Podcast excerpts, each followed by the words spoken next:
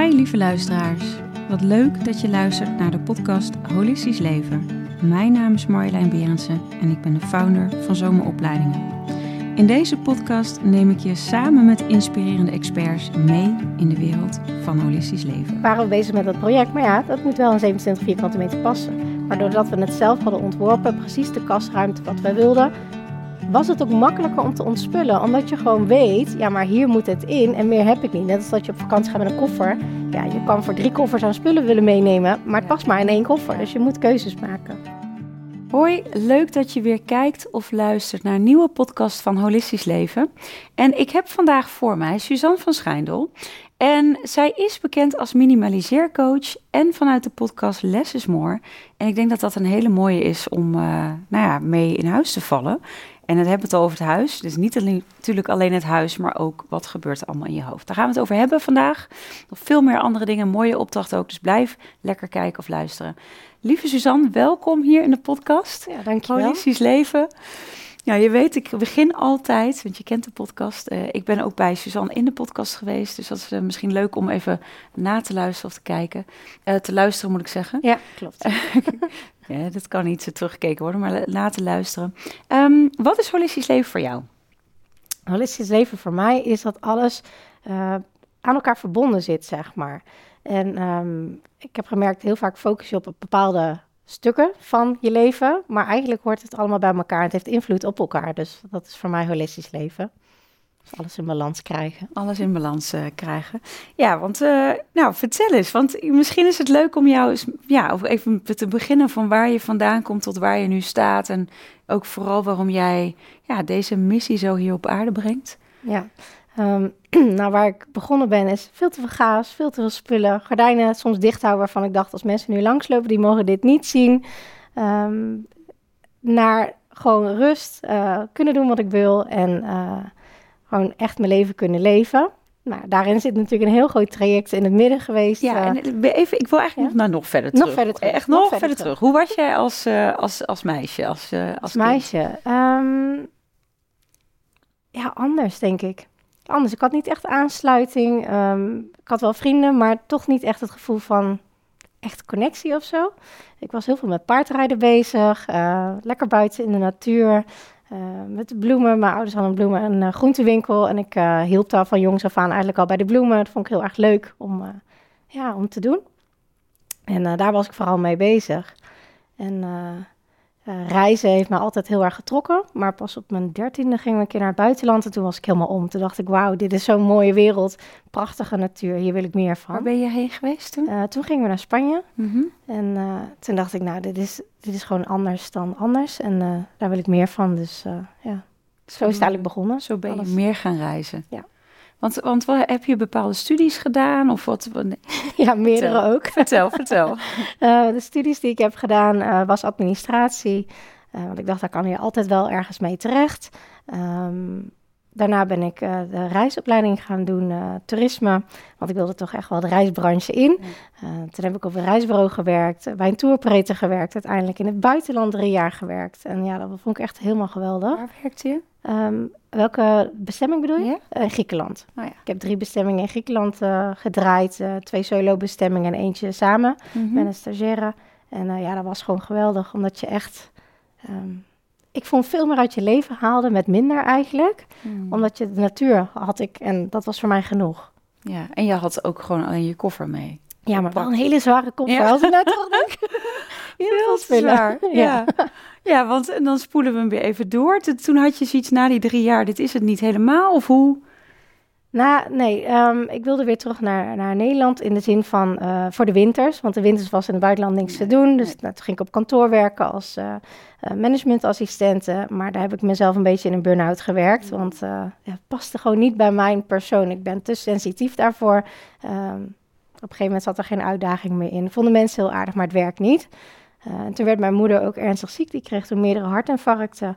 En um, ja, dat was wel een van de dingen die mij toen wel aan het denken heeft gezet. Van ja, wat wil ik nou eigenlijk? Hmm. En uh, ja, toen ben ik uiteindelijk heel veel andere dingen gaan doen. Ook mijn eigen bedrijf gestart in uh, BHV-trainingen, E EHBO-trainingen. En dat vond ik heel leuk, omdat ik mensen leerde om anderen te helpen. Um, En ik vond het heel leuk om voor groepen te staan en door Nederland heen te reizen. Maar de EHBO was mijn passie niet. Nee. Nee, dus toen ben ik weer geswitcht naar een foodtruck. Ja?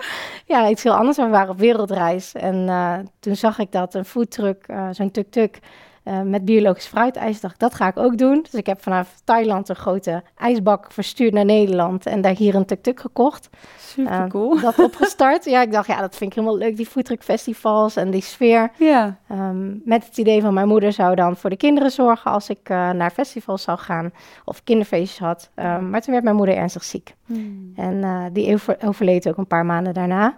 Ehm, en toen heb ik alles gewoon gewist. Toen dacht ik, nou, ik ga geen voetdruk meer doen. Ik wil dat niet. Eh, ben ik te lang bij mijn kinderen weg. Eh, ik heb een, bijna een jaar niks gedaan. Ehm, Hoe lang is dat nu geleden? eh, vier jaar. Oh ja. Ja. En toen in de tussentijd hebben we een tiny house laten bouwen. En toen kreeg ik heel veel vragen van mensen van... hoe kan jij van zoveel spullen en chaos Ja. naar rust en een tiny house? En hoe kan je van zoveel spullen naar een wereldreis met alleen handbagage? En toen ging ik mijn systemen delen. Ehm, en toen kreeg ik zoveel vragen dat ik dacht... nou, ik kan hier heel veel mensen bij helpen. En toen ben ik mijn minimaliseercoaching gestart. Ja, Dus het- van alles en nog wat, maar Ja, uiteindelijk op het een pad. heel pad. Ja. Mis je het niet, de voetdruk? Ja, ik moet het gewoon vragen hoor, want dat was natuurlijk wel eh, een heel wild plan natuurlijk. Ja, precies. Nee, het was eh, eh, leuk voor zolang het duurde. En die voetdruk vond ik heel leuk om erin rond te rijden met mijn kindjes. Eh, maar nee, het is niet van de grond gekomen en het was goed zo. Ja, het Ja. was goed zo. Maar goed, dan gaan we inderdaad in minimaliseercoach. Vertel, want je zei inderdaad van, nou, ik had veel spullen. Soms hield ik bewust de gordijnen dicht voor de rommel, zei je al eventjes. Ja. Ehm, ja, en je, je bent al best wel een tijd begonnen al met wat ja, opruimtips en, en lifehacks hè, eh, Mhm. over minimalisatie. Vertel. Ja, dus ik kreeg dus heel veel vragen naar van Ja. hoe ben je op wereldreis gegaan met alleen handbagage? Wat neem je dan mee? Ehm, en naar het tiny house, hoe richt je dat dan in? En naar 27 vierkante meter met z'n vieren en een hond, hoe dan? Ja, met z'n vieren. Ja. Het is echt, eh, het is echt bij elkaar op de lip eh, ook. Ja, ja, nee. Ja, Ja, nee. nee. Ja, het is echt veel meer optimale gebruik van de ruimte Ja. maken. En tijdens de wereldreis eh, waren we ook in Japan geweest. En daar hadden we, tenminste, daar had ik heel veel van geleerd hoe je omgaat met vierkante centimeter woning benutten, zeg maar. Ehm, en tijdens de wereldreis kwam ik ook echt tot rust. En toen dacht ik, hoe kan dat nou? Dat ik niet tot rust kom in mijn eigen huis. Ik was al bezig met minimaliseren, maar toch bleef het rommelig. Ik denk, hoe kan dat nou? Want ik doe al heel veel spullen weg. En toen ben ik echt tijdens die wereldreis heel erg gedoken in hoe werkt je brein, hoe werkt de overprikkeling, hoe werkt sensitiviteit. Want daar kwam ik toen achter. Ja, Ehm, en toen vielden mij alle kwartjes en daar heb ik mijn methodes op, ge, ehm, ja, op gemaakt, zeg maar. En toen zagen mensen de resultaten bij mij thuis en zeggen, hoe, hè, hoe kan dat nou? Ja, en dat ben ik dus verder gaan doen. eh. hoe oud zijn je kindjes? Eh, die zijn, toen ze op wereldreis gingen, Ja? twee en drieënhalf. En nu zijn ze, eh, even nadenken, net negen en zeven. Oh ja, ja. En wat vindt je partner ervan? Ook, Ja. sorry, moet ook gevraagd worden, toch? Ja, natuurlijk. Ja, want ik ging natuurlijk niet alleen naar een tiny house. Nee, want eh, eh, nou, we gingen dus op wereldreis. En ehm, hij had nog steeds het idee van, dan nemen we koffers mee. En wat nemen we dan mee? En toen zei ik, nou, ik wil eigenlijk alleen met handbagage. Want een vriendin van mij is dat jaar daarvoor op eh, reis geweest eh, met haar eh, baby. Koffer kwijtgeraakt, een en al ellende. Zij gingen ook op cruise, dus elke keer als die koffer werd nagestuurd, was zij weer Oh. dat land uit. Ja. Dus dat was ellende. En ik dacht, dat wil ik niet tijdens onze wereldreis. Ja, toen moest hij drie keer slikken. En toen zei hij, nou, hoeveel paar schoenen mag ik dan meenemen? Ik zei, nou ja, een paar slippers en een paar schoenen. En dan houdt het echt wel op. Ja. En zei hij, hè? Dat kan toch niet? Het is te weinig? Ik zei, ja, maar weet je, wat is het ergste wat er kan gebeuren als we op reis zijn en het bevalt niet? Kopen we een koffer, kopen we kleding. Overal ter wereld hebben ze kleding. Komt wel goed. En zei hij, nou, ik wil het experiment wel aan. Dus hij stond daar wel echt voor open Mhm. nou ja, vanaf het moment dat we zijn ingestapt in het vliegtuig, was hij al helemaal om. Toen zei hij, nou, dit is relaxed. Ik kan gewoon mijn tas gewoon boven me neerleggen. Eh, ik, ik, daarna toen we uitstapten, zag hij al die mensen bij die bagageband staan. En zei hij, ja, hoeven we ook niet meer op te wachten. Nee. We konden taxis in, we konden tuk-tuks in toen. Ja. Ehm, dat gaf heel veel vrijheid. En Ja. daar kwamen we erachter dat we niet zoveel nodig hadden. Hmm. Dus toen ik uiteindelijk eh, ehm, moest gaan minimaliseren, had hij al ervaren eh, hoe weinig we eigenlijk nodig hadden als persoon. Want hij zei toen tijdens de reis, zullen we misschien gaan emigreren? En toen hadden we het erover, wat zullen we dan laten opsturen? Want we hadden alles opgeslagen in een eh, box, want we hadden onze huurwoning opgezegd. En zei hij, ja, ik weet het eigenlijk niet. Ik weet niet wat ik moet op laten sturen. Ja, een aantal dingen, maar verder dan, ik denk drie, vier verhuisdozen kwamen we niet. Ze zeiden, hoe kan dat nou? Eh, dus die mindset zat al, al wat in. En ehm, toen we terugkwamen, hadden we een huurwoning, veel te groot, 120 vierkante meter, de hele zolder stond leeg. Achteraf was dat goed, want een paar maanden daarna ging uh, zijn zus scheiden en die kon bij ons op zolder een paar maanden wonen, dus dat kwam Ja. goed uit. Ja. Maar het zei, ik wil niet zo'n groot huis, vind ik niet fijn. Toen hebben we een klushuis gekocht met het idee, dit gaan we opknappen en in vijf jaar afbetalen en dan gaan we weer heel veel reizen. Maar toen werd mijn moeder dus ernstig ziek en toen dachten we, ja, die uit het niks werd ze ziek. Ze had wat hoestklachten, ging naar de dokter. Mevrouw heeft longkanker, stadium 4, heeft nog maar een jaar te leven. En toen dachten we, waarom focussen wij ons op vijf jaar, terwijl je helemaal niet weet hoe lang je hebt? Hmm. En ehm, dit was dan bij mijn moeder, maar er zijn ook meerdere mensen om ons heen weggevallen die jonger waren. Dat heeft ons echt enorm aan het denken gezet van je leven, je hebt maar één leven en je weet niet hoe lang je hebt. Ja. Dus toen we in dat klushuis zaten, toen zeiden we, hoe gaan we zorgen dat we sneller kunnen gaan reizen door minder vaste lasten te hebben? En toen kwam het idee van het tiny house weer om, het hoek, om de hoek kijken van, dat zou ik toch wel heel tof vinden. Maar eerder dacht ik, het is niks voor ons, want we hebben twee kinderen. Ja, het is leuk, één, één slaapkamertje, maar niet met twee kinderen. Dus hoe dan? Dus alles is zo echt zeg maar aan het rollen gegaan. Toen hebben we een bouwer gevonden. Die heeft voor ons samen uh, hebben we een ontwerp bedacht. Met drie slaapkamers op 27 vierkante meter. En toen zijn we dat gaan bouwen. Drie slaapkamers Ja. op 27 vierkante meter? Nou ja, slaapkamers. Ja, ja. Je kan er slapen en je hebt een kast waar je spullen kwijt kan. Uh, ja, het was gewoon een soort van boomhut idee. Het was echt wel heel erg leuk. Hmm. Ja. En Dus, je zegt eh, een boomhut idee. Woon je ook nu in een boomhut dan? Of Nee, nee, nee. Vertel. Nee, het, is, het was een, eh, ja, kleine kamertjes zijn dat dan, maar ehm, ruimte genoeg. Alleen, wij merkten ook op de wereldreis, we waren heel veel buiten, we waren heel veel weg, we waren dagjes weg. Dus wat heb je echt nodig qua ruimte? Ehm, en uiteindelijk hebben we 2,5 jaar zo gewoond. Ehm, maar na die 2,5 jaar beviel de ruimte niet meer. En toen zijn we verhuisd weer eh, naar een gewoon huis. Omdat het Mhm. goedkoper was. Omdat we ons tiny house ergens anders zouden neerzetten. Mhm. Ehm, maar voorafgaand wat je vraag was naar het minimaliseren. Ja. Dus wij, wij hadden bedacht, oké, wij willen ons leven nu leven. Je weet niet lang je hebt. Je moet mooie momenten maken. Want dat is uiteindelijk wat er, wat je, waar je aan terug kan denken. En wat je achterlaat ook. Ehm, en toen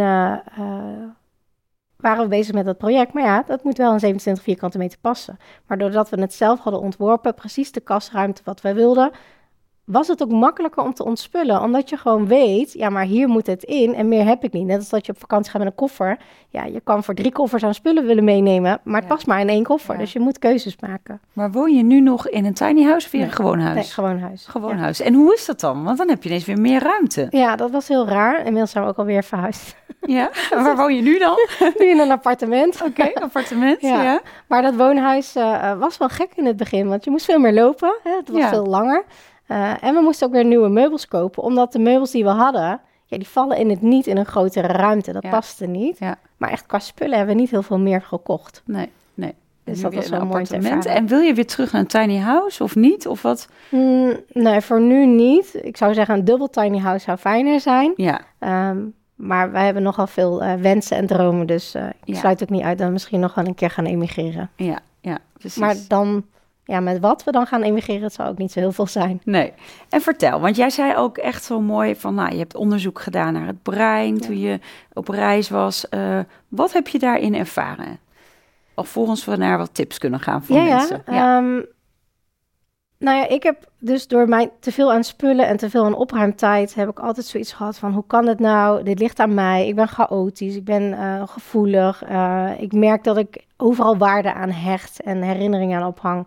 Ehm, ik vind het heel moeilijk om dat los te laten. Hoe kan dat dan? Ehm, daar zat een heel groot deel zat in goede vragen leren stellen, waardoor je echt tot de kern komt van waarom heb je het? Waar, waar gebruik je het voor? Waar word je blij van, waar niet? Ehm, maar echt die kern te pakken van eh, waar komt die overprikkeling nou vandaan? Dat is heel anders dan waar eh, de hoeveelheid aan spullen. Want je kan nog eh, zeg maar drie verhuisdeuzen vol aan spullen hebben, maar als je die allemaal in het zicht hebt staan, dan overprikkelt dat, omdat je brein alles waarneemt. Dus op die manier kwam ik erachter van, hé, hey, maar wacht eens even. Dus de visuele overprikkeling, dat geeft de meeste prikkels, naast natuurlijk ehm, spullen met emotionele waarde en haakjes, wat emoties weer oproept, wat ehm, ja, intens binnenkomt. Ehm, dus daar ben ik mee gaan experimenteren. En ik zag dat heel veel eh, kasten, zoals deze hele mooie kast die achter ons staat, jij hebt die prachtig ingericht als sierkast. Maar dat doen we in heel veel huizen niet. Die gebruiken we als opbergruimte Mm. en dat overprikkelt. Hmm. Ja, precies. Dus echt vooral de opberg. Hey, en even een persoonlijke vraag. Eh, ja, je, je, je moeder is overleden. Natuurlijk super, super heftig. Mhm. Ik kan me voorstellen dat het ook daarin lastig is dat, ja, als je bepaalde spulletjes van haar hebt, wat je daarmee doet. Hoe, hoe, hoe ben je daarmee omgegaan?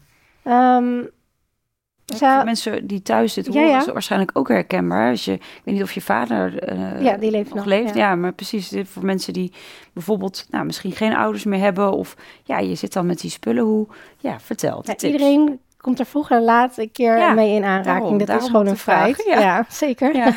Ehm, nou, mijn moeder had eh, ook altijd veel moeite mee met spullen wegdoen. Ze zag overal de potentie ervan in, de creativiteit. Eh, had ook veel moeite met loslaten. En eh, achteraf denk ik dat zij ook aardig sensitief was en ook een chaotisch brein had, maar toen nog niet. Ehm, en toen zij wist dat zij zou overlijden, toen kon ze ineens alles loslaten. Want ze wist, ja, ik kan niet meenemen. Hè? Je hebt één setje kleding aan en je laat de foto's achter en dat is het dan. En toen heeft ze echt aan mij gevraagd, kan je helpen om die spullen het huis uit te krijgen? Eh, ook voor je vader, dus zodat hij ook een fijn huis heeft. Ehm, mijn moeder kon heel netjes opruimen met, eh, met de verjaardagen, maar tussendoor liep het vol en de bovenverdieping en zo. Ehm, toen was ik overigens nog geen minimaliseercoach. Ehm, dat heb ik dus gedaan en daardoor kon je heel snel zien van spullen van anderen heb jij veel minder haakjes mee. Wat voor iemand heel belangrijk is, eh, is bijvoorbeeld voor jou misschien een hele belangrijke vaas, is voor mij gewoon een vaas, maar voor jou is het een herinnering. Dus als ik door die spullen heen ga, heb ik daar veel minder binding mee dan dat de persoon zelf dat had. Eh, daarom kies ik er ook nooit voor om eh, keuzes te maken over spullen van mensen als ze nog leven, want dat is nog veel moeilijker. Mm. Want het zijn hun spullen. Maar goed, als ze overleden zijn, is het een ander verhaal. Dan pak je juist de spullen eruit waar jij haakjes aan hebt en waar jij herinneringen aan hebt. En ehm, omdat ik al bezig was met het tiny house aan het bouwen, wist ik al heel bewust van ja, maar ik wil niet alles meenemen. Want ja, hoe dan? En mijn vader woont natuurlijk ook, dus het standaard spullen niet. Maar echt een aantal dingen van mijn moeder vond ik wel belangrijk. Nou, ik heb een aantal dingen meegenomen. eh, zoals een sjaal vond ik belangrijk. Nou, die heb ik in mijn herinneringendoos gedaan. Ehm, ik heb ehm, ook een fontein meegenomen, want dat vond ik heel mooi. Waar zo water zo steeds eh, naar beneden stroomt. Maar het grappige was, toen ik ehm, in het tiny house woonde, eh, toen had ik het buiten staan. dacht, nou oké. Maar daarna ging ik weer naar een, naar een gewoon huis en toen had ik het binnen staan. En toen kwam ik erachter dat het ding ontzettend veel lawaai maakte. Dus dat het mij heel erg overprikkelde. Dus dat het helemaal geen toegevoegde waarde meer had. Ja. En in mijn nieuwe huis past het eigenlijk nergens. En toen dacht ik, ja, weet je, ehm, doet het nu echt iets voor mij? Nee, dat doet het niet. Eh, wat kan ik er nog anders van maken? Eh, ik kon geen enkele manier bedenken waarvan ik dacht, ja, dit past bij mij. En toen heb ik het ook aan mijn vader gevraagd, goh, wil je het terug hebben? Eh, of ehm, eh, wil je dat ik het doorgeef? En toen zei hij, nee, dan wil ik het graag terug hebben. Nou, prima, dat is weer teruggegaan naar hem. Dus het is niet dat ik daardoor de herinnering aan mijn moeder kwijt ben als ik het object wegdoe. Dat is zeker niet waar. En ehm, dat is ook uit wetenschappelijk onderzoeken bewezen dat je brein een herinnering oproept door een trigger die die krijgt. En die trigger kan zijn het object zelf of een foto van het object. Dat triggert de herinnering en dat triggert een emotie. En het is een positieve of negatieve of neutrale emotie. En daar moet je achter zien te komen. Maar dat klinkt nu heel makkelijk. Maar ik heb er acht jaar lang over gestruggeld om daarachter te komen. was niet Ja. zo makkelijk. Nee, nee. Nee. Goh. En jij zegt, ik heb, je hebt dus een herinneringbox, vertel. Ja, dat zou eigenlijk iedereen in huis moeten hebben. Een Ja. eh, memory box waarin je echt de belangrijke dingen van jou bewaart. En voor ieder persoon één, minimaal één. En of dat nou zo'n doos is, of een grote curverbox, of twee of drie, dat maakt niet uit. Maar op een gegeven moment moet je het wel begrenzen. Ehm, het zijn al die kleine dingen die eigenlijk geen plek in je huis hebben. Zoals een medaille van een vierdaagse of zo. Ja, ja. Of eh, een foto. Of ehm, zoals die sjaal van mijn moeder. Ja, waar ga je dat opbergen? Niet tussen de sjaals. Sowieso heb ik die niet meer. Maar toen ik ze wel had, daar ga ik ze niet bij leggen. Want ik draag hem niet.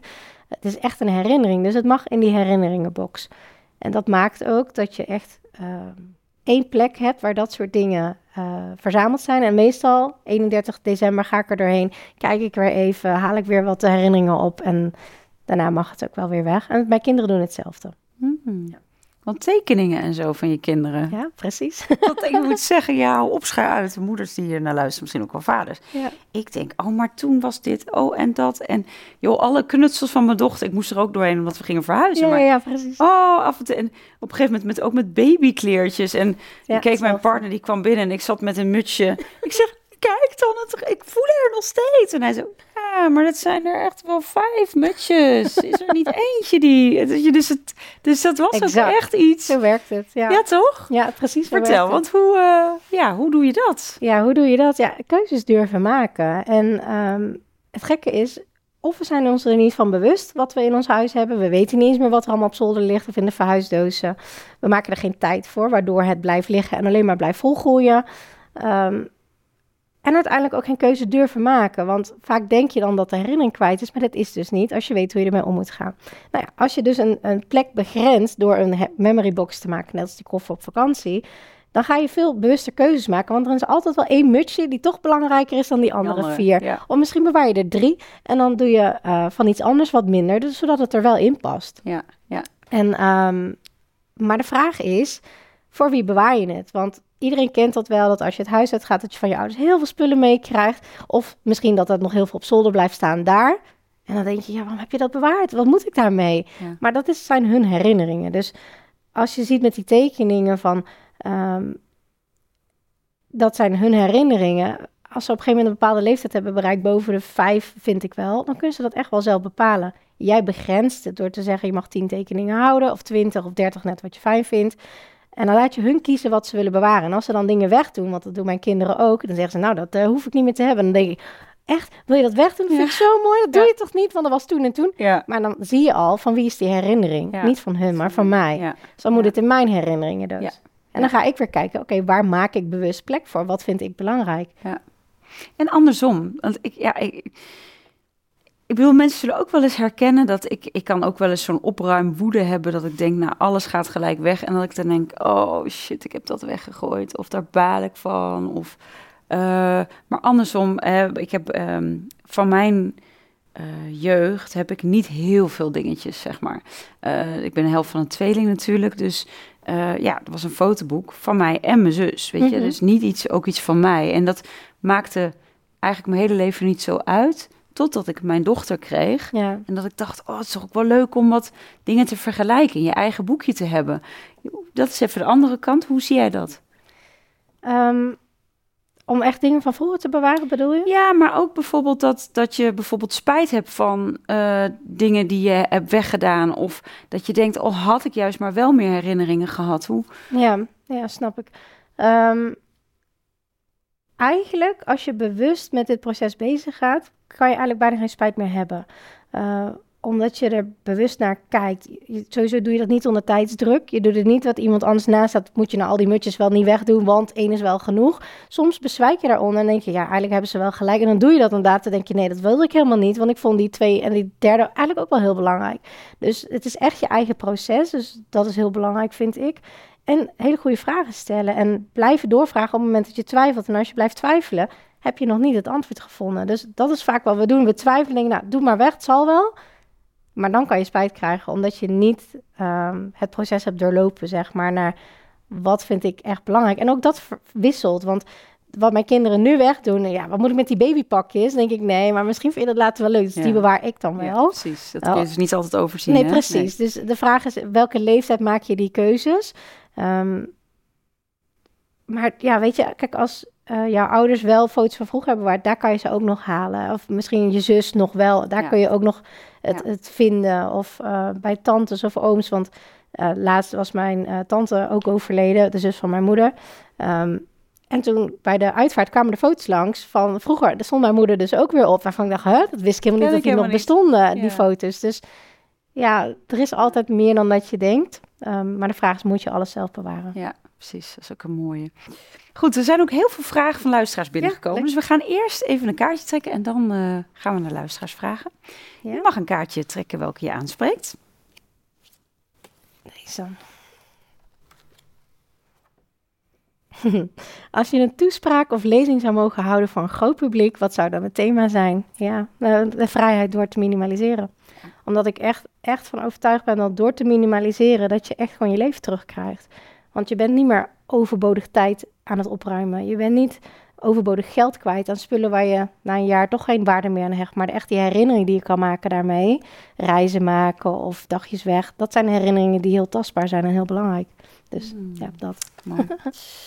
Ja, nou ja, goed. Je, je, je zei het al even, je komt er eentje binnen. Je hebt het al wel gezegd, maar ik denk misschien wel leuk even voor te herhalen. Waarom is minimaliseren zo rustgevend voor je brein? Door de visuele overprikkeling, ehm, wat, in, wat je brein allemaal waarneemt. Uh, want dit ligt heel mooi zo, maar als ik dit aan alle kanten van de tafel neer zou leggen, dan zou het heel erg overprikkelen. Dus het heeft ook te maken met hoe je dingen structureert in je huis. En ik vind structureel altijd heel grappig geworden, want ik ben zo chaotisch als wat. Maar dat kan dus, iedereen kan dit dus leren. Ehm, en door de haakjes die je eraan hebt. Als je geen keuzes hebt gemaakt over je spullen, zijn er altijd spullen in je huis die bepaalde haakjes hebben, die dus herinneringen oproepen, maar waar ook negatieve herinneringen aan kunnen hangen. Zoals uh, verdrietige periodes of heftige gebeurtenissen. Of uh, een soort schuldgevoel van jezelf: van waarom heb ik zoveel geld aan al die spullen uitgegeven? Kleding waar nog kaartjes aan hangt. Terwijl je denkt, ja, had ik dan dan wel moeten doen? Maar als je dat niet aangaat en niet oplost en dat schaduwwerk zeg maar in jezelf doet, um, dan blijft dat triggeren en dus overprikkelen. Ja, ja. En een urn in huis dan bijvoorbeeld, hoe kijk je daarnaar? Daar kwam ineens op hoor, sorry. Ja, ja. ja nee, er zijn, zijn heel veel mensen die een urn in huis hebben. Um, ja, heel anders. De, maar wat voor lading geef je daaraan? Wat, wat zegt dat jou? Um, mijn vader heeft dus een, kleine vlinder waar uh, wat as van mijn moeder in zit. Um, in het begin zei hij, uh, toen mijn moeder nog leefde, nou, jouw uh, urn ga ik echt niet meenemen. Ik hoef dat allemaal niet in huis en dat strooi ik wel uit. Maar toen was ze overleden. En toen heeft hij dat toch gedaan, omdat het voor hem wel echt houvast gaf. En er zat een mooie foto naast, een, een kaartje erbij, een soort van um, rustpunt of zo. Dus wat voor een lading geeft het je als je elke keer als je naar die urn kijkt een trigger hebt van, oh ja, wat erg en dit en moeilijk en ja, doet het dan echt iets voor je? Kan je het dan niet beter dan uitstrooien op een mooie plek en daarheen gaan om te gedenken? Ja, ja. oké. Ehm, ik vind het zelf heerlijk om in mijn kamer te zitten met prachtige spullen. Dus een luisteraarsvraag. Mhm. Zoals bijvoorbeeld mooie Afrikaanse beeldjes en edelstenen. Zorgt dit alsnog voor onbewuste chaos? Onderbewuste chaos? Mm, ja, nee. Nee, het zorgt niet voor chaos, want je wordt er echt blij van. Je wordt er bewust van. Alleen de vraag is, moet je alles tegelijkertijd in je zicht zetten? Dat is vaak de vraag, want uh, ik heb ook edelstenen. Ik vind dat ook heel erg leuk. Kaartendeks, alles. Maar ik heb het niet allemaal in het zicht zitten. Ik kies daar bewust een kaartje uit, die zet ik op mijn kast neer. Maar de rest van het kaartendek ligt in mijn kast, dus die zie ik niet. Dus je kan het ook gaan roleren. Dus als jij al je mooie kunst aan de, aan de muur hangt, ja, dan overprikkelt dat zeker wel. Omdat je alles waarneemt en het is geen één geheel. Um, wat kan je nog meer minimaliseren dan alleen je huis? Nou, heel veel dingen. Je partner? Nee. um, Vooral um, de ruis en ballast om je heen. Dus hoe besteed je je tijd? Uh, welke keuzes maak je daarin? Uh, maak je echt je eigen keuzes vanuit je hart? Of doe je dat omdat mensen uh, sociaal wenselijk is dat je naar alle verjaardagen gaat? Wij hebben heel veel verjaardagen geminimaliseerd omdat we 85 per jaar hadden. Dat kostte onwijs veel tijd en heel veel gedoe. En vond ik het leuk? Nee. Want ik zat op een verjaardag. Die mensen zie je als je binnenkomt. Daarna waren ze aan het rondrennen. Ik praat met mensen die ik helemaal niet gezellig vind. Die niet echt de diepte ingaan, zeg maar. Uh, niet dat het altijd hoeft, maar wel inhoud vind ik altijd heel erg leuk. Dat ik denk, ja, dat zit ik hier een uur uit te zitten. Ik doe dit niet meer. Dus als jij merkt dat je steeds met tegenzin naar verjaardagen tegengaat, uh, ga er bewust over nadenken. Waarom? Waarom triggert jou dat? Uh, en dan kan je dat zeker shiften. Het is niet al makkelijk, want je krijgt daar wel weerstand van. Maar uiteindelijk denk ik dat je dan veel meer echt je leven kan leven, omdat je puur jezelf bent. En wij gaan dus naar, uh, wij spreken met die mensen af, waardoor we echt quality time hebben. Wat veel meer uithaalt daar naar zo'n verjaardag te gaan. En dat is één voorbeeld van de vele. Ja, ja. ja mooi voorbeeld. Um, hoe geeft minimaliseren toegang tot je eigen spiritualiteit? Heel veel omdat namelijk, eh, als je al sensitief bent, dan overprikkelt het uh, heel veel. Dus alle ruis en ballast, dus ook al die haakjes. Um, waardoor je, ook dat is wetenschappelijk bewezen, dat je echt je cortisolgehalte laat stijgen, waardoor je in de stressmodus komt. En ik ben van mening dat als je in de stressmodus zit, een soort van overlevingsmodus, dat je niet uh, naar de kern kan gaan, niet naar je rust. En in de rust of in meditatie, daar zitten echt de antwoorden van je spiritualiteit. En ik denk dat je die niet volledig kan ontplooien als je constant wordt afgeleid door alles om je heen. Hmm. Hoe kan ik, nou ja, dit is eigenlijk al een beetje, maar hoe kan ik sociaal minimaliseren voor mezelf? Heb je al in ieder geval een voorbeeld gegeven ten aanzien van bijvoorbeeld die verjaardag? Heb je nog iets anders concreet? Je zegt, dat wil ik nog als tip meegeven. Um, ja, gewoon echt heel erg vanuit je hart leven en zeggen van ja, ik doe dit niet, want ik vind dit en dit belangrijk. En ehm, wat wij, wat ik heb gemerkt toen wij dat gingen delen ook, waarom, dat mensen gingen aanhaken van, oh, ja, eigenlijk heb je wel gelijk, ik doe dat ook. En, daardoor zijn ook mensen anders gaan nadenken en anders met hun tijd weer omgegaan. Uh, waardoor het ook een soort ripple effect wordt. En wat jij zo mooi zei in, in mijn podcast toen je bij mij te gast was, van uh, ik kan me nu afsluiten in drukkere uh, situaties en omgevingen. dus dat helpt al heel erg veel. Maar de vraag is uiteindelijk, hoeveel sluit je je af voor um, wat niks voor je doet, wat, wat wel waar je heen gaat, en hoeveel sluit je af voor wat wel voor je doet. Dus hmm. uh, je werk, krijg je daar nog energie van of trekt dat? Um, winkelen, waarom doe je dat eigenlijk? Doe je dat om tijd te verdrijven? Doe je dat om weer die dopamine shot te krijgen van iets nieuws te kopen? Of ga je naar de stad omdat je het leuk vindt om te kijken en met een vriendin te gaan lunchen? Waar besteed je echt je tijd aan? Ja, want ga jij nog winkelen? Ja. Ja, ja, ja ga zeker nog winkelen. Ja, zeker. Ja. ja, ik vind het heel leuk, maar ik, ik kies heel bewust. Dus ik weet wat ik wil kopen. Uh, ik weet waar ik naar op zoek ben. Um, en als er iets inkomt, gaat er ook weer iets uit. Dus ja. uh, dat overgroeit nooit meer in mijn huis. Ja, precies. Nee. Nou, want ik, ik bedoel, je hebt best wel van die grappige... Ik, maar ik bemoei niet, eh, die kikker ja, op ja, uh, Insta. Vind ik dat grappig. en dan ik zo van, nou, ik ging naar de Action... en ik, uh, ik wilde voor de wattenstaafjes... ik was 199 euro verder... met alle andere spullen die in mijn karretje belanden. Hoe gaat dat bij jou? Want ik neem aan dat jij krijgt toch ook wel bepaalde prikkels... als je in ja, in, ja, ik noem maar niet de action misschien, maar weet je, ergens ja, ja. Uh, rondloopt. Hoe, hoe, hoe werkt dat bij jou? Nou, het grappige is, ik, ik was dat ja, vroeger. Ja. Ik ging naar een winkel voor één ding en ik kwam met zes tassen thuis en uh, eh, 200 euro lichter. Ja. Um, maar het grappige is, door het minimaliseren en door het systemen creëren, want dat hoort er echt wel bij, uh, een overzicht creëren wat je eigenlijk hebt. Want ik, ik, kocht dan weer een nieuwe schaam dat ik hem niet kon vinden. En bij minimaliseren kwam ik achter dat ik er acht in huis had. Nou ja, dat soort dingen. Dus je koopt alles in het tienvoudig. Um, ben je veel minder vatbaar voor die prikkels. Omdat ik weet wat ik heb en weet wat ik nodig heb. En ik weet hoe lang ik met iets doe. Bijvoorbeeld uh, shampoo, bars of dat soort dingen. Uh, dus dat soort impulsaankopen doe ik niet meer. Ben ik ook niet meer uh, vatbaar voor. Um, maar waar ik wel vatbaar voor ben, is zijn boeken. Vind ik heel interessant. Uh, trainingen, maar ja, dat, dat neemt geen ruimte in in je huis, dus nee. dat scheelt. Um, maar als ik in winkels loop, ja, ik, ik kan echt genieten van mooie spullen. Ik vind dat echt heel erg leuk. Toen ik in het minimaliseerproces had, niet. Toen wou ik echt geen winkel in. Toen dacht ik, oh, nog meer spullen. Dat vloog me echt aan. Ja. Uh, maar op een gegeven moment, als je daar weer doorheen bent, en dat zie ik bij mijn klanten ook, dan komt dat plezier in winkelen wel weer terug. Maar ja, ik zie het meer als musea. Van, ik ja. vind het prachtig om naar te kijken. Ik vind het zo mooi, maar ik hoef het niet meer te hebben. Nee. Ik hoef nee. het niet meer allemaal in mijn huis te hebben. En als ik iets wil hebben, gaat iets anders weg. Oh ja, ja, dus dat is ook wat je zei. Ja. En hoe is, uh, is, sorry luisteraars, ik heb even een vraag tussendoor. Uh, jouw, ja, de relatie tussen minimaliseren en het milieu. Uh, dat was heel leuk. En ik was laatst bij uh, Janneke van der Meulen in de podcast. Zij is helemaal bezig met voeding en milieu ook. En uh, wij kwamen samen tot de ontdekking en de conclusie dat het beter is voor het milieu om nu spullen weg te gooien. Dan dat je het niet wegdoet voor het milieu, want dan wordt die vuilnisbelt groter. Maar op lange termijn, um, als je niet die mindset shift gaat maken, heeft veel meer impact op het milieu. En toen wij in een tiny house gingen wonen, um, wij hadden een gasfles om op te koken. Daar hebben we gewoon echt een heel jaar mee gedaan. En als je dan ziet wat voor impact je dan maakt, is veel kleiner dan in grotere huizen. Um, als ik zie wat ik koop, uh, en vooral niet meer koop, dat is veel meer impact op het milieu dan niet die shift kunnen maken. Uh, want dan denk je dat je alles nog nodig hebt. Ja. En dus minder kleding kopen of bewuster kleding kopen, minder spullen kopen die ook na een paar weken weer weggaan. Kinderfeestjes of goodie bags of dat. Ja, nee, gewoon niet meer. Nee. Nee. Ja, mooi. Hey, en uh, ja, want inderdaad, je zei het al eventjes, uh, dat stukje milieu, maar je had het ook over shampoo bars, dus in plaats van flessen. En, ja. Uh, ja. en dingen doorgeven, want misschien dan niet ja, weggooien, zeker. maar doorgeven. Ja. ja. Oké. Okay. Um, mm, mm, mm, ja, die hebben we al gehad, deze hebben we gehad. is, ga is chaos eigenlijk niet heel erg lekker? Gewoon meegaan op de chaos van het leven en je daar moeiteloos doorheen bewegen? Ja, zeker. Als, ik hoor erin, dan gaat het moeiteloos en fijn. En dan is het altijd goed. Als je daar blij van wordt en daar heel goed op gaat, absoluut.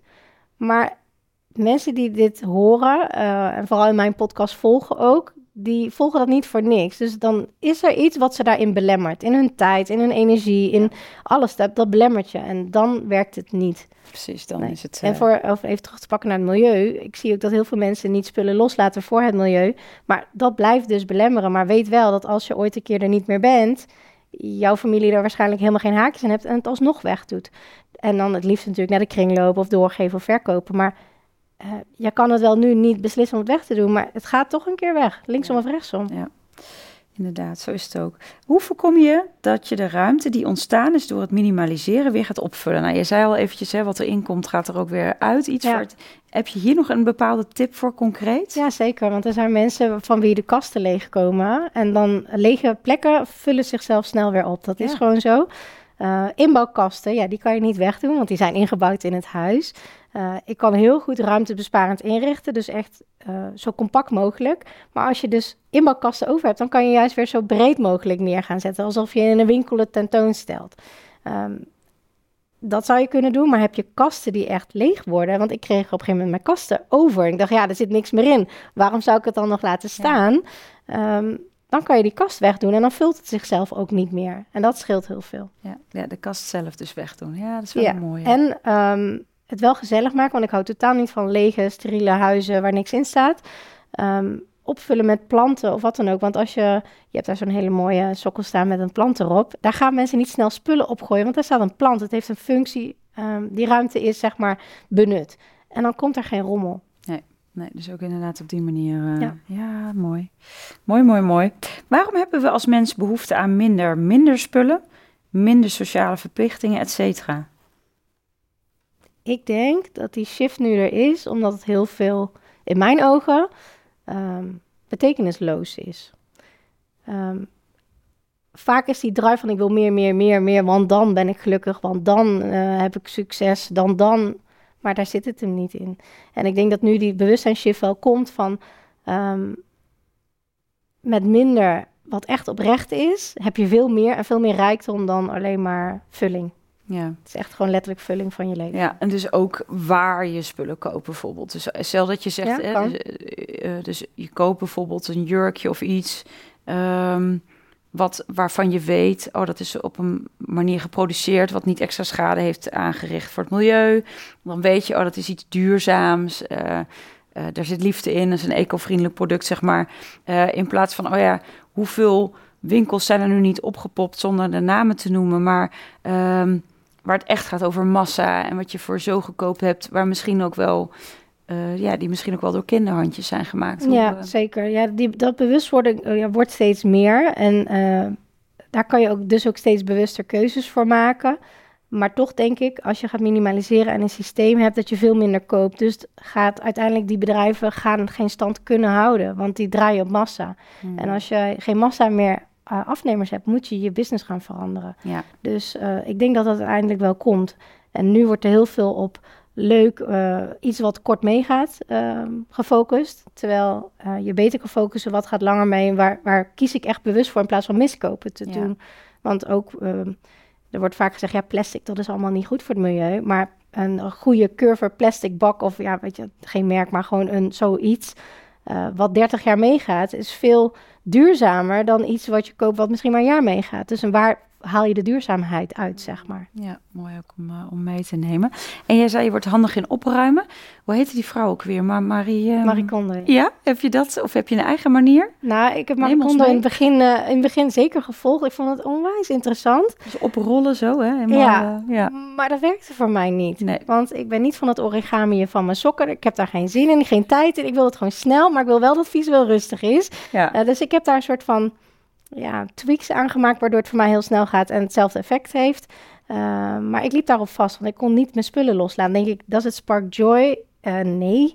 Maar kan ik het loslaten? Nee. En verder dan dat kwam ik Nee, niet. nee, dus precies. het gaat echt om andere dingen. Maar zij heeft heel veel goede dingen gedaan. En vooral het minimaliseren eh, echt wel wereldwijd bekendgemaakt. Ja, hè? Ja, ja. Ja, zij is echt wel een beetje de, de, ja, toch wel de grote naam op dit Ja, gebied, zeker. toch? Hè? Zeker. Alleen toen ik haar volgde, had zij nog geen kinderen. En ik had wel kinderen. En toen dacht ik, ja, superleuk die kasten Ja. mooi inrichten. Maar twee minuten laat mijn kinderen erop los. En alles ligt verspreid door mijn huis. Hoe dan? Ja, weet je, dat werkte voor mij Ja. gewoon niet. Ja, wat, hoe doe je dat met de kinderen nu? Ja, heel anders. ik heb systemen gebouwd waardoor het wel eh, rustig blijft. En als ze spelen, tuurlijk is het dan even druk en chaos. Maar ik heb dat altijd binnen 10 minuten gereset.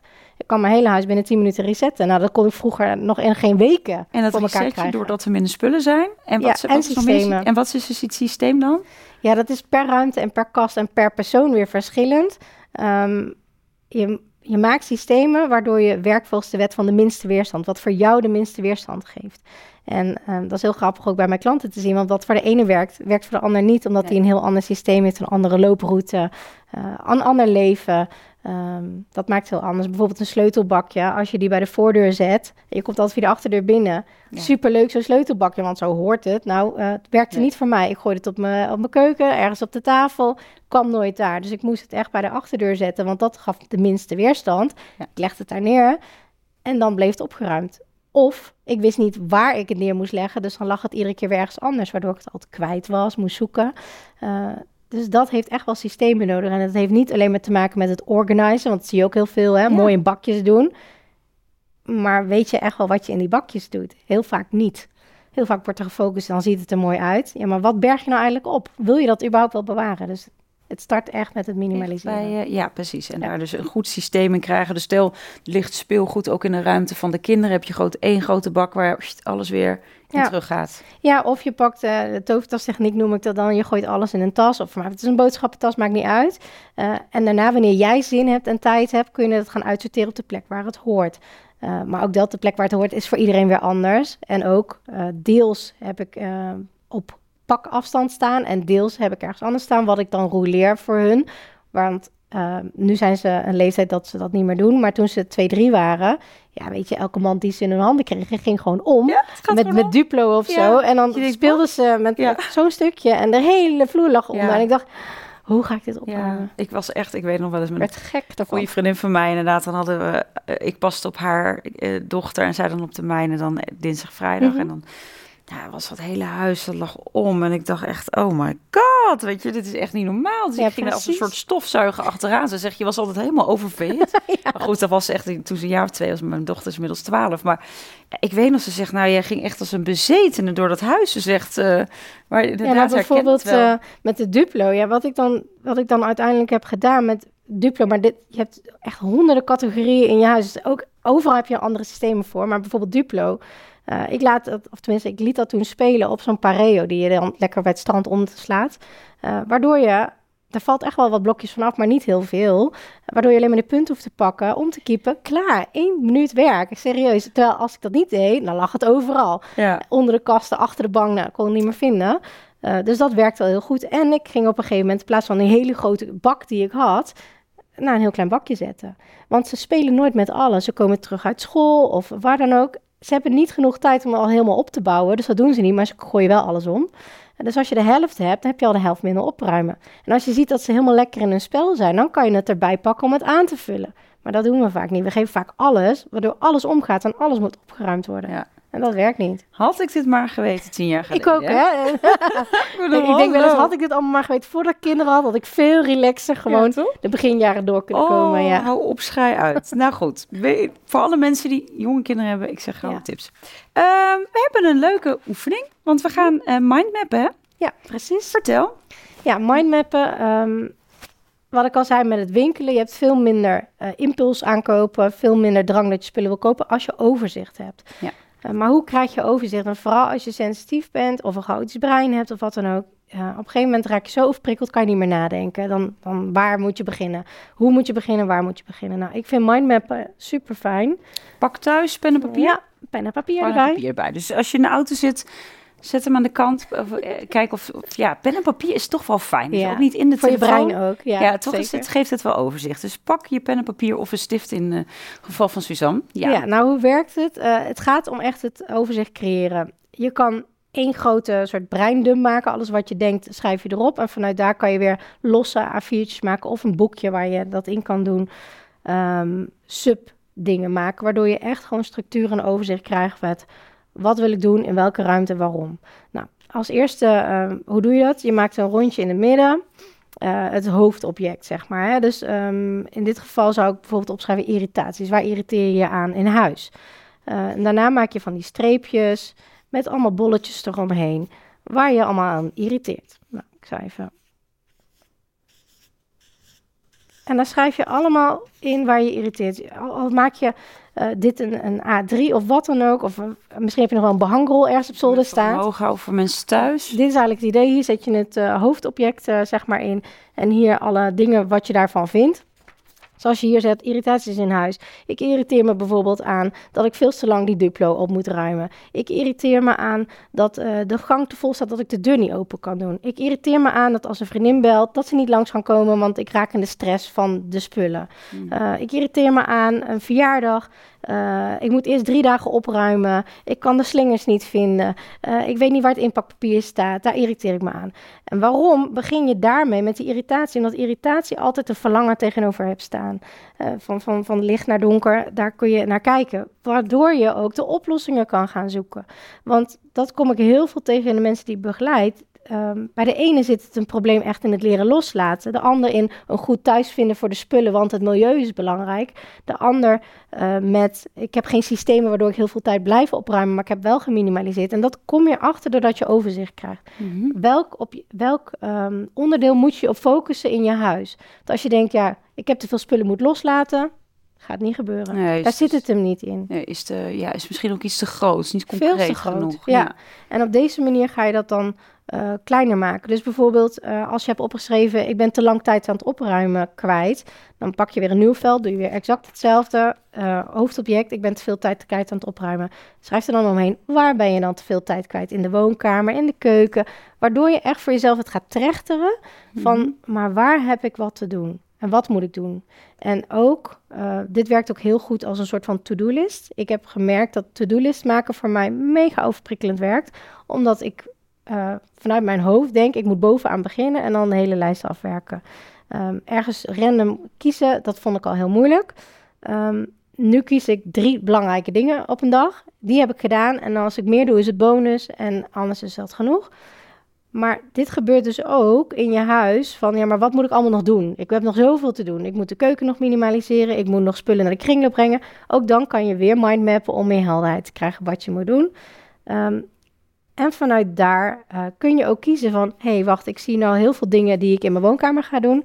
Wat kost heel veel tijd? Ik heb nu maar een uur. Wat kan ik dan doen als overzicht? Wat kost minder tijd? Nou, dan kies ik dat.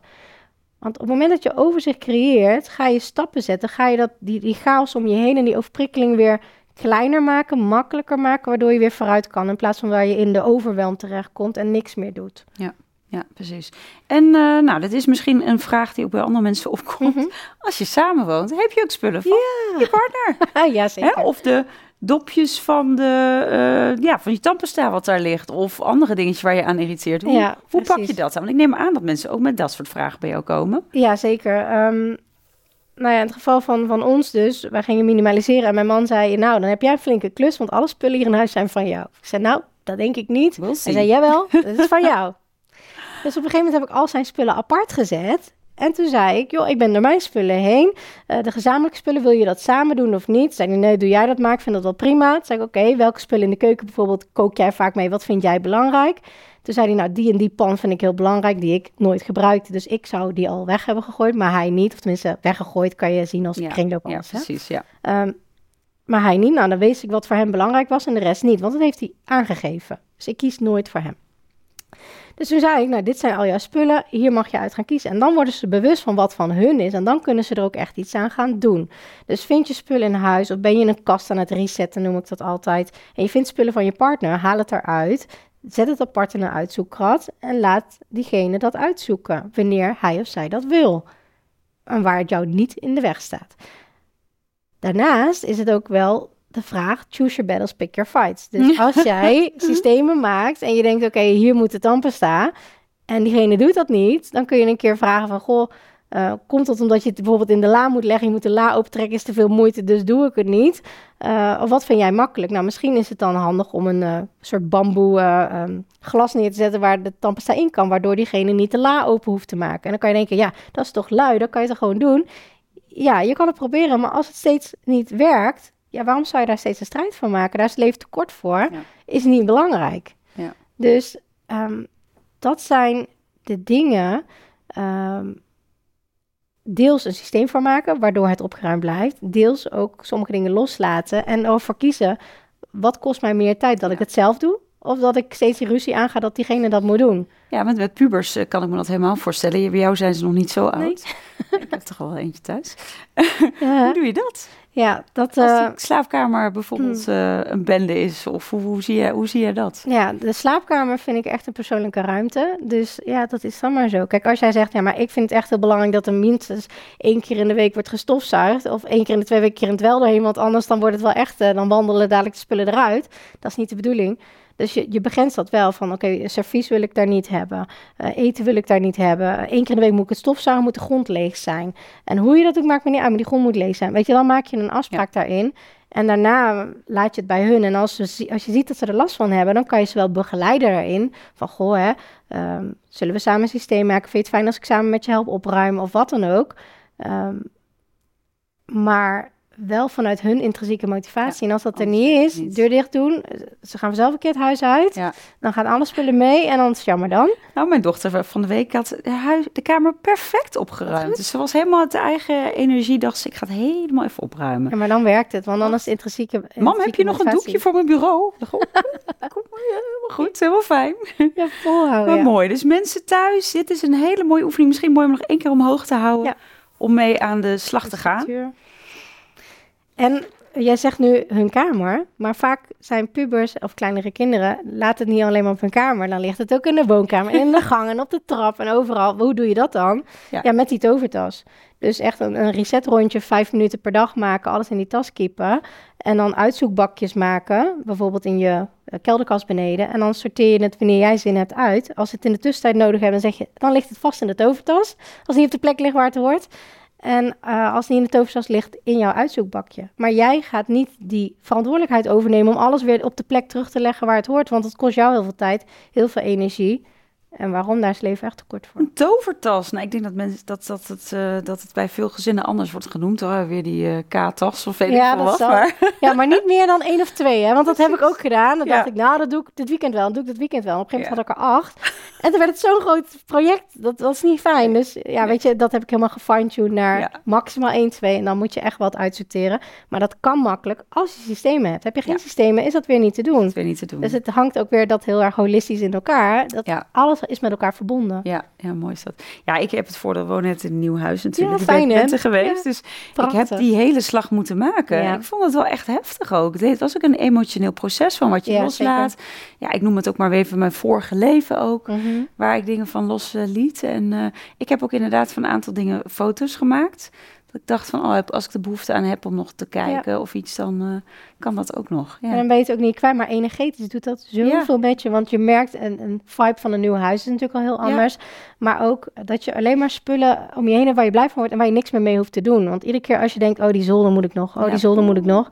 Dat geeft heel veel druk op je. En als je dan daarin staat, alles heeft een frequentie en spullen ook.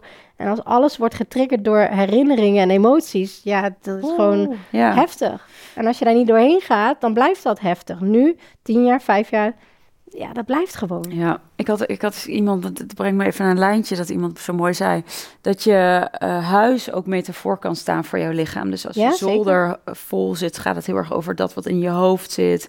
De kelder, misschien, ja, wat heb je spreekwoordelijk in je kelder liggen? Of mhm. misschien wel, hoe is het met je aarding? Ik weet niet, hoe zie jij dat? zeker. Ja, uh, wel. Maar ik denk op een gegeven moment dat je huis zo vol wordt dat je maar plekken gaat zoeken waar er ruimte is. Dus dan, ja, dan, is ben je gewoon helemaal gemixt, denk ik. Dan is er werk aan de winkel met persoonlijke ontwikkeling. Ja. ja. ja, mooi. Nou, dankjewel voor deze oefening. Uh, dus mensen thuis, ik ben benieuwd wat het met jullie doet. Laat het, uh, laat het zeker even weten. Um, we gaan alweer richting het einde van deze podcast. En waar we, wat we nog niet besproken hebben, is dat jij bezig bent met een boek. Ja, dat klopt. Vertel. Ja, ik heb dus een, uh, een podcast uh, die inmiddels al meer dan honderdduizend keer beluisterd is. Dus echt, je bent niet de enige als je dit hoort en je denkt, oh, mijn huis is niet op orde. Nee, echt heel veel mensen hebben hier last van. En ik krijg steeds vaker de vraag, heb jij ook een boek? Want ik heb natuurlijk online trainingen en coaching. Maar dan zeggen ze, ja, ik vind het wel fijn om dingen terug te lezen. Of uh, als instap, zeg maar, om, om te weten de mindset erachter, filosofie erachter. Dus toen dacht ik, oké, nou dan ga ik een boek schrijven. Dus daar ben ik nu mee begonnen en waarschijnlijk komt die eind uh, van dit jaar uit. Uh, voornamelijk in een e-book, want dan heb je niet meer spullen. Maar ik zelf vind de papieren versie heel erg fijn. Dus ik zal denk ik ook een beperkt aantal papieren gaan laten maken. Um, want het gaat echt 80% over de mindset. En over goede vragen leren stellen en die shifts te maken voordat je echt daadwerkelijk met je spullen bezig gaat. Dus ja, dat ben ik aan het maken. Mooi. Dankjewel. Nou, leuk. Heel erg bedankt, lieve Suzanne. Echt bijzonder om, uh, nou ja, ook wel even andersom zo dit te hebben. Ja, superleuk. Dus als je geïnteresseerd bent, luister ook nog even de andere podcast, uh, Less is More. Ja. Daar ben ik dus geweest. Ik weet niet welke Less aflevering is uh, Much More podcast heet die. En de aflevering weet ik zo even niet uit mijn hoofd. Nee. Nou ja, ergens, uh, volgens mij best, ja. wel, best wel veel heb je er inmiddels gedaan, hè? Ja, zeker. Heel erg bedankt. Mensen thuis ook bedankt voor het kijken. Laat ook eventjes uh, nou ja, reacties achter. Ik ben benieuwd wat je ervan op hebt gepikt. En ik zie je graag weer volgende week voor een volgende podcast. En deel alsjeblieft met mensen. Een gratis podcast is ook leuk om uh, te horen dat, nou ja, dat jullie er veel aan hebben. Heb een fijne dag. Dag lief allemaal. Bedankt voor het kijken. Doeg! Dankjewel voor het luisteren naar de podcast Holistisch Leven. Holistisch Leven is een prachtige ontdekkingsreis. We reiken je graag de tools en kennis aan om je in deze reis te begeleiden. Ben jij door deze podcast geïnspireerd om de volgende stap richting een holistisch leven te zetten? Kijk dan op onze website www.zoma-opleidingen.nl voor meer informatie over de cursussen en opleidingen die we aanbieden. Je kunt je daar ook inschrijven voor onze nieuwsbrief. En vind je deze podcast leuk? Volg ons dan via je favoriete podcast-app of abonneer je op ons YouTube-kanaal. Zo verspreiden wij samen meer licht, liefde en bewustwording.